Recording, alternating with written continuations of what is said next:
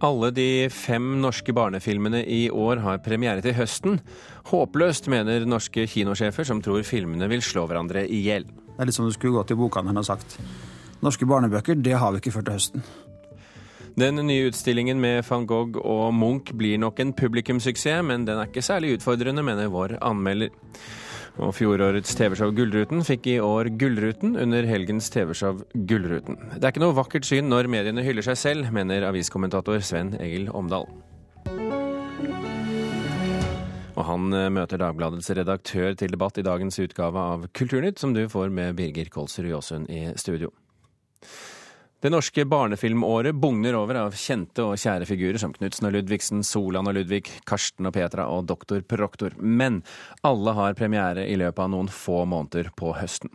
En håpløs situasjon, sier flere kinosjefer til NRK, og mener det må settes krav til når filmer skal komme på kino. Foreløpig må barna klare seg med utenlandske filmer. 13. 13. Jeg er 12 og blir 13. På denne maidagen fins det ingen norske alternativ for barn og unge på kino. Og det hadde heller ikke funnes på ei stund. Sist gang en norsk barnefilm hadde premiere, var i november i fjor. Jentene på Colosseum skal se fransk. Asterix Byplanleggeren. Ja. Nei, Det er jo helt håpløst. og det Vi vi har opplevd lignende ting før òg. Publikum generelt liker norsk film, og særlig norsk familiefilm. og da er det veldig rett at det skal gå et halvt år og vel så det uten at vi kan tilby dem norsk familiefilm. Det er litt som du skulle gått i bokhandelen og sagt norske barnebøker, det har vi ikke før til høsten. Det sier kinosjef i Fredrikstad, Jørgen Søderberg Jansen. Det ikke jeg skjønner, er at de tør å gå opp så tett etter hverandre på høsten. Det sier Kristin Berg, programsjef i Oslo kino. Eh, Det er en veldig god kinotid, eh, men filmene vil slå hverandre i hjel. eh, Selv om de kan henvende seg til litt ulik målgruppe. Men i den store og det hele så henvender jo de seg til familiene. For de kommer som perler på ei snor. Karsten så en løvunge! En ekte hos Klara! I september Karsten og Petra på safari. To uker seinere kommer Knutsen og Ludvigsen og den fæle Rasputin. gremling i taket, gremmeling, gremmeland. Vi har en gremling i taket, gremmeland. Remember this little kiddo? Well, guess what? He's back again. Dr. Proktors tidsbadekar kommer i midten av oktober, Julekongen i november, og så Solan og Ludvig herfra til Flåklypa, helt på tampen i desember. Vi skal slå det knæ i støvlene. Nå mener kinosjefene at Norsk Filminstitutt må få lov å være med å bestemme når filmene skal komme på kino, slik at en får norsk barnefilm hele året. Eh, Så det beste hadde vært hvis produsentene klarte å ha si, selvdisiplin, men så lenge man klarer det, så bør Filminstituttet få mulighet til å si at når du får ti millioner av oss, så skal vi være med å, å påvirke når filmen har premiere. Det er et forslag jeg ikke syns noe om i det hele tatt. Um, Det er produsenten som finansierer og eh, risikerer ved prosjektet. Og jeg ser ikke noe grunn til å ha en statlig innblanding på, på premieretidspunktene på filmen. Det vil jeg synes er å strekke det for langt. Det sier Cornelia Boysen, som er produsent for både Dr. Proktors Tidsbadekar og Solan og Ludvig herfra til Flåklypa. Hun mener konkurranse fra utlandet er noe av årsaka til at det er få norske barnefilmer på kino i vår. Det er klart at konkurransen i den samme perioden fra eh, utenlandske filmer, deriblant fra amerikanske, har vært så tung at det har vært vanskelig å gå opp med en norsk familiefilm hvis den hadde vært ferdig eh, på det tidspunktet. Men å slippe en film som Dr. Proktor om sommeren, det blir for risikabelt, tror Poison. Det er vanskeligere kinotider med en gang sommeren kommer inn. Og det kan man ved å se på tallene se at kinotallet dropper ekstremt med en gang det er pent vær i Norge. Så slutter, går ikke folk på kino. Dessverre. Gjør det, da. Dr. Proctor and the Titspadakaret. Og i en kommentar til NRK skriver Norsk Filminstitutt at lansering og distribusjon ikke er instituttets ansvar, og at dersom Filminstituttet skulle komme med krav om lanseringstidspunkt, så ville det bli mindre attraktivt å investere i norske filmer, noe som ville skadet den norske bransjen. Reporter i denne saken, det var Lars Ivar Nordahl.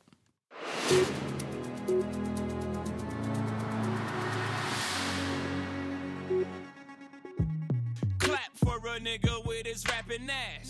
Blow a stack for your niggas with your trapping ass. Clap tjente rundt 150 millioner kroner på å selge Wimp til den amerikanske rapperen JC. Det skriver Dagens Næringsliv i dag. Wimp, som ble startet i 2009, slet med å ta opp kampen mot markedsledende Spotify. Og Skipsteds konsernsjef Rolf Erik Ryssdal sier til DN at de er fornøyd med salget, og at strømmetjenesten endte opp med å bli en god investering. Wimp er nå en del av JCs musikkstrømtjeneste Tidal.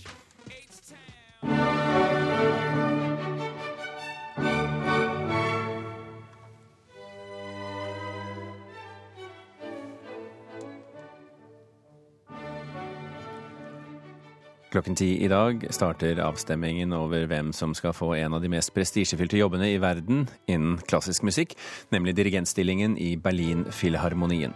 Medlemmene i orkesteret skal møtes på en hemmelig adresse i Berlin og skal være sammen til de har avgjort hvem som skal lede orkesteret. Og dette minner jo på mange måter om et slags pavevalg.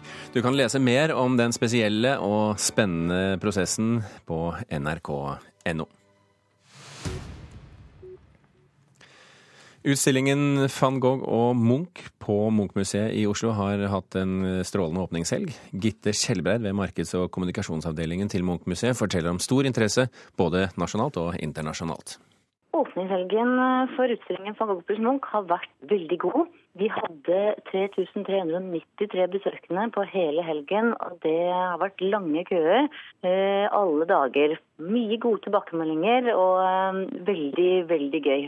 Og endelig kunne åpne. Hvordan er disse tallene sammenlignet med Munch-Melgaard-utstillingen? Melgaard pluss Munch åpnet med 1500 besøkende. Samtidig så er det en litt annen tid på året, så vi var veldig glade for det. Det var et høyt besøkstall. Ser vi på Gjennom naturen, som åpnet på samme tid i fjor, så var det 2000 besøkende på den åpningen. Det er en god økning fra fjoråret. Hvilke forventninger har dere for besøkstallene fremover? Vi har gode forventninger. Vi vet at dette er en periode med godt besøk, både fra Oslo-folket og, og, også internasjonalt. Så vi tror på et godt besøk fra den utstillingen.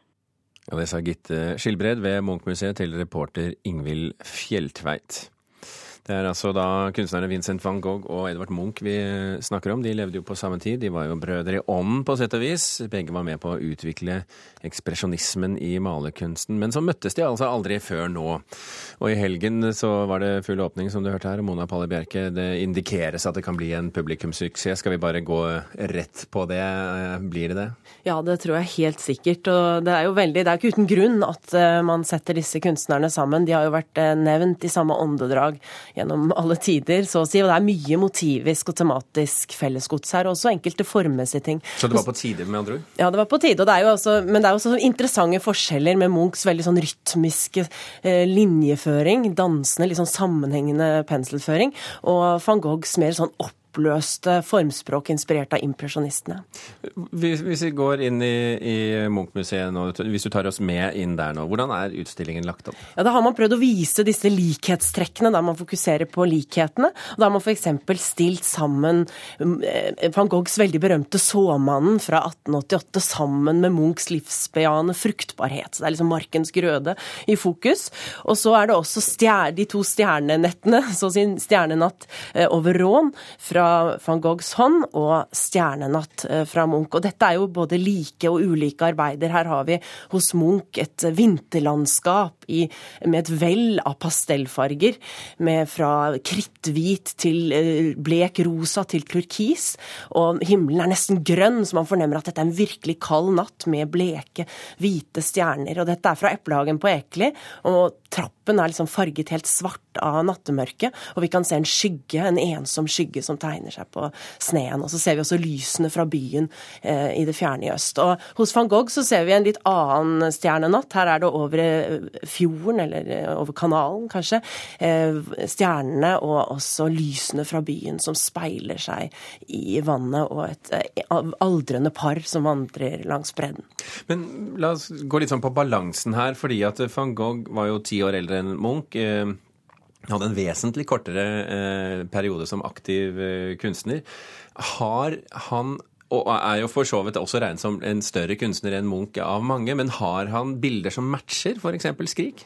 Altså, det er jo det er mange man ville sagt det, altså, Han har mange like store mesterverk, selvfølgelig, men de har jo prøvd seg på en sammenstilling som ikke er et forsøk på å eh, sette opp et eh, liksom, lignende mesterverk, men hvor de har vært opptatt av formmessige likheter. da, Hvor det er et verk som heter 'Broen over Trankitai' fra 1888, som er stilt sammen med 'Skrik'. fordi her er det også en bro som går innover i bildet, ikke med et lignende, ikke et helt likt diagonalperspektiv, men likevel noe som ligner litt, og hvor det står en skikkelse vendt mot oss med, som er litt sånn uklar og ansiktsløs.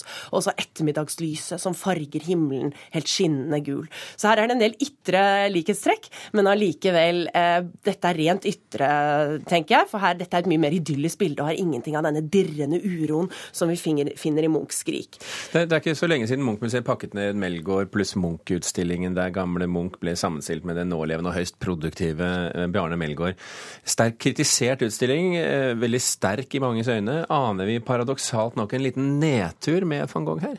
Jeg syns det, faktisk. Altså ikke bare og først og fremst i forhold til Melgaard pluss Munch, men i forhold til den rekken av imponerende, nyskapende utstillinger som Munch-museet har pre presentert i det siste, med det moderne øyet, og også med Munch gjennom naturen, hvor de klarte å få oss til å se Munch med nye øyne. Det greier de ikke like godt her. Dette er en ganske, på en måte ganske tradisjonell presentasjon av både Munch og van Gogh, og en veldig klassisk eh, museumsutstilling. Så for de som liker den tradisjonelle malerkunsten? Og for alle er det helt fantastisk å se så mye Munch og van Gogh selvfølgelig samlet, uavhengig av hva kuratoren har fått til.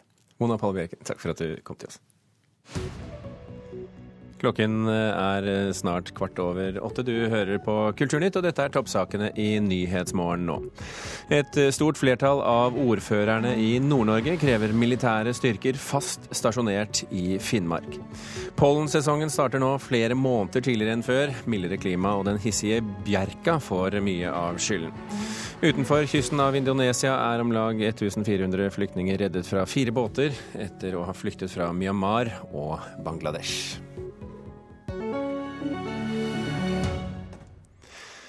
Det ble liv på sosiale medier på lørdag, da TV-showet Gullruten ble sendt. Gullruten er TV-bransjens festaften, der bransjen hyller seg selv. Og et slående eksempel på det fikk vi da Gullruten 2014 fikk pris for fjorårets beste TV-event. Tidligere på dagen harselerte Dagens Næringsliv over alle prisene i mediebransjen, på bakgrunn av alle prisene som ble delt ut under nordiske mediedager i Bergen forrige uke. Dette er ikke noe vakkert syn, sier du, Sven Egil Omdal, kommentator i Stavanger Aftenblad. Hva mener du med det? Jeg mener at når det er ca. 7500 aktive journalister i Norge, og vi deler ut ca. 1000 priser i året, så nærmer det seg jo mer en deltakermedalje enn en høythengende heder å få en journalistpris. Og Derfor så mener jeg at vi burde gå gjennom denne listen som Dagens Næringsliv behjelpelig har laga, og så burde vi sanert alvorlig i eh, antallet priser som vi deler ut til oss sjøl. Ja, hva er et godt antall priser for en bransje på et fallende antall journalister? Et godt antall er slik at det er eh, at de henger høyt, at det er virkelig en anerkjennelse å få disse prisene. Og så burde vi eh, slutte å gjøre de så offentlige i den forstand at vi bretter ut vår egen selvros til de grader som vi gjør i avisene. Og så burde vi være mye mer romslige og skryte av konkurrentenes priser. I dag er det slik at avisene stort sett bare omtaler priser de får sjøl, selv om det skulle være et diplom, mens vi da tier i hæl at konkurrenten kanskje har fått den mest ettertrakta prisen av alle. Jon Arne Markussen, denne kritikken tar vel ikke du til, til, deg på noe som helst vis, for Dagbladet skryter vel ikke av seg selv? Vi er vel ganske flinke til å skryte av oss sjøl, ja. Det har vi egentlig vært hele Dagbladets historie. Det er vel antagelig ikke noe særtrekk ved oss, men Men når det, du nå en gang sitter her og Ja. Um, Nei, men Det er riktig, det. Vi pleier å gjøre det. Og for å si det sånn, i bransjen er det jo slik at det er jo ikke nødvendigvis våre konkurrenter som skryter av oss, så vi må jo gjøre det sjøl i tilfelle. Hva tenker du om ideen å, å kappe ned på antall priser i mediebransjen? Um, jeg har um, i likhet med Omdal og sikkert en del andre, ikke minst DN, har jo, vi har jo etter hvert sett at det har fått inflatoriske trekk, dette. Og um, det er nok Med, andre ord, det er blitt for mange. Det er blitt for mange. Uh, Det bør antagelig ryddes uh, og lages et prisregime som er mer gjennomarbeida, og, og hvor man på en måte ja, hvor, det, hvor tingene henger litt høyere. Um, Jeg har jo sjøl sans for det amerikanske Pulitzer-prissystemet, hvor man vel Jeg tror man har 14 priser i medieklassen, og så er det um, musikk og litteratur. Men, men øh, hvem skal foreta en sånn øh, bransjen, må, bransjen må ta tak i dette og, og, og sjøl gjøre noe med det. Men så skal man samtidig være klar over, og det er et annet trekk, det er det at øh, hva er media i Norge? Det, ser jo det at svært mange, en svært stor andel av disse prisene, utdeles fylkesvis, regionalt, i regi av journalistlagene. Og man må huske på at det som skiller mediebransjen fra mange andre bransjer, er jo det at det er en, det er en veldig åpen og det er jo ikke minst det er en offentlig eh, greie vi driver med. Vi er, vi er, oppe egentlig til eksamen hver eneste dag. Og, eh, og, det er litt vanskelig å sammenligne mediebransjen med en del andre bransjer som jeg ser noen gjør. Mm. Det er klart, vi, vi, er på den offentlige arena hele tida. Er du enig i det argumentet, Omdal? Ja, jeg ser det. Det er et godt argument. Eh, selv om jeg ser at noen av de mindre journalistlagene deler ut en ti priser i året. Jeg tror behovet for Dette er et yrke hvor en får veldig lite systematisk tilbakemelding. og Veldig mye av det en gjør, er, står på sin egen, står egne føtter. Hver eneste artikkel du skriver, eller hver eneste program du lager. Jeg, jeg ser at det er et eget behov for på en måte å hedre det virkelig gode arbeidet. Men når det blir så mye at um, det blir sånn som Rolf Wesenlund sa om Amandaprisen en gang, at bare ta det rolig, alle får så, så, mister jo prisen det som er hele hensikten med å, å honorere godt arbeid, nemlig at det, det, skal skille seg ut fra alle andres arbeid. Men hvordan ser du for deg at La oss si at man går fra 1000 da, til 100. Mm. Hvilke, hvilke, fortjenestefulle artikler og TV-serier og radioprogrammer er det man skal hylle? Nei, Jeg syns ideen om å ha et sånn Pulitzer-lignende system der en har noen kategorier som er slik at de honorerer ulike deler av faget. fordi at dette er et veldig bredt fag, og det er veldig forskjell på gravejournalistikk og jevn og god og viktig lokaljournalistikk på presentasjon. Og det prøver Pulitzer-systemet å fange opp. Og et tilsvarende system hvor en istedenfor å ha jeg vet ikke hvor mange priser pressefotografene delte ut, mellom 50 og 60 priser, at en hadde en fotopris hvert år istedenfor at eh, de fleste medlemmene i Pressefotografenes klubb har denne prisen hengende på veggen. Markussen, um, hvordan ser du for deg Du sier at bransjen må gjøre det. Mm. Men uh, det kan man si, og så er det jo ingen som tar opp eh, tråden. Nei, dette må skje i regi av av mediebedriftene, av foreningen, og så må Presseforbundet, Redaktørforeningen, Journalistlaget må være med på dette og bygge opp et regime hvor det, det Nå skal det jo også sies at det er jo noen av disse medieprisene som henger høyere enn andre, og hvor man også har et inntrykk av at det legges veldig mye godt arbeid i forberedelsene til utdelingen, juryarbeid osv. Men det er jo riktig som Omdal sier, dette er jo på en måte den norske modellen. Det er jo det som den norske enhetsskolen. Alle får. men, men, står vi nå i år, 2015, er dette året da ting forandrer seg? Eh, jeg jeg tror kanskje at mange over tid har akseptert dette. Vi, vi hadde et år hvor vi, i 2012 hvor vi valgt, vant veldig mange priser. Det var naturligvis stas. I år fikk vi én pris, og himmel så glad vi er for den. Ja. Og vi syns det er så fortjent, fordi at vi fikk en pris for, for, for meningsarenaen vår på digitalt. Ja. Og noe dere satser på. Eh, utmerket, eh, Markussen og Omdal. Tusen hjertelig takk for at dere kom til Kulturnytt i dag.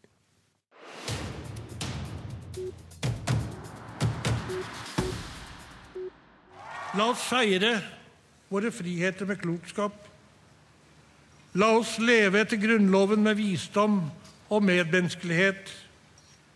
La 2014 bli et år hvor vi står opp for det som virkelig betyr noe for oss.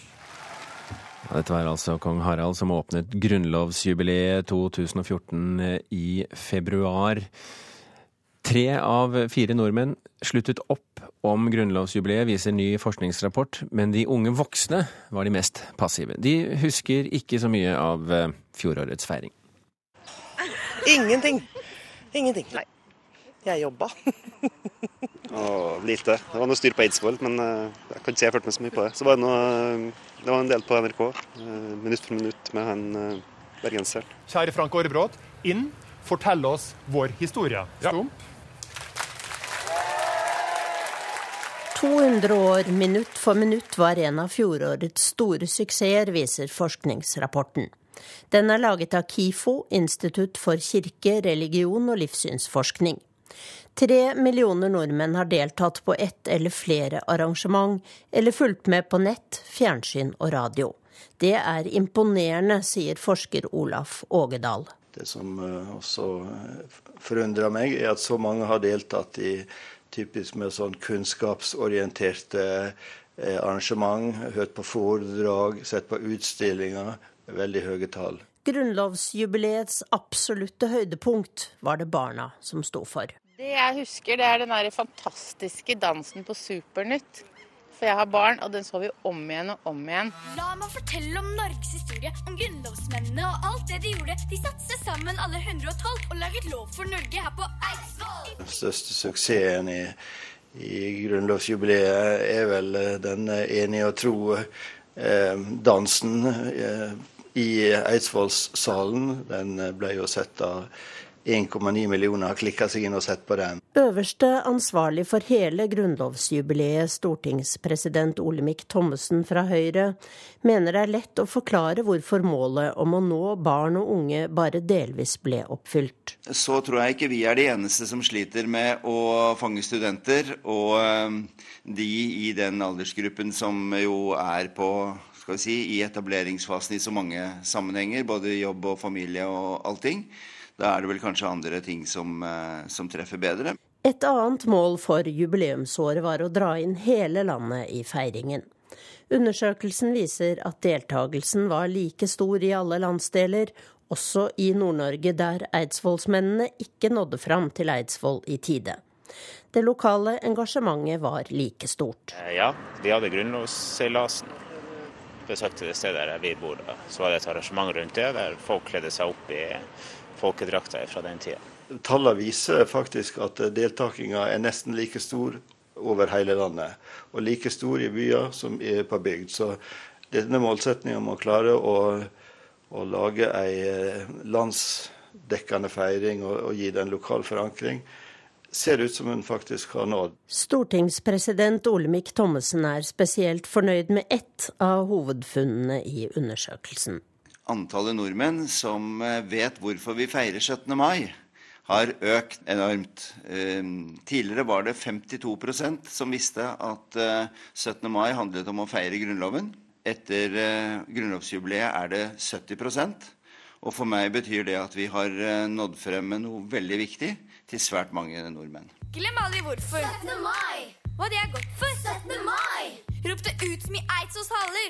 Enige og tro til Dovre faller. Et gjenhør med barna i sangen og dansen 'Enig og tro til Dovre faller', som NRK Super laget i forbindelse med grunnlovsjubileet, altså.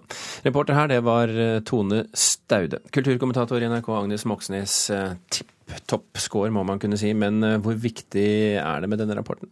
Det er viktig fordi at den sier noe om på hvilken måte vi feirer oss selv og historien vår.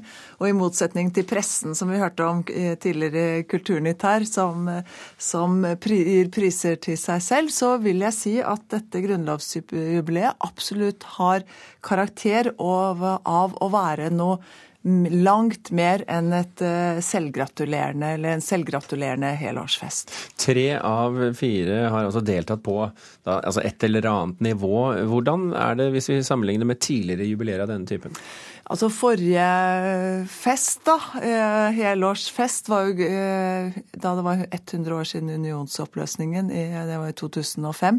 Da ble det verken fest eller et nasjonalt jubileum. Ingen skjønte egentlig hva som eh, foregikk.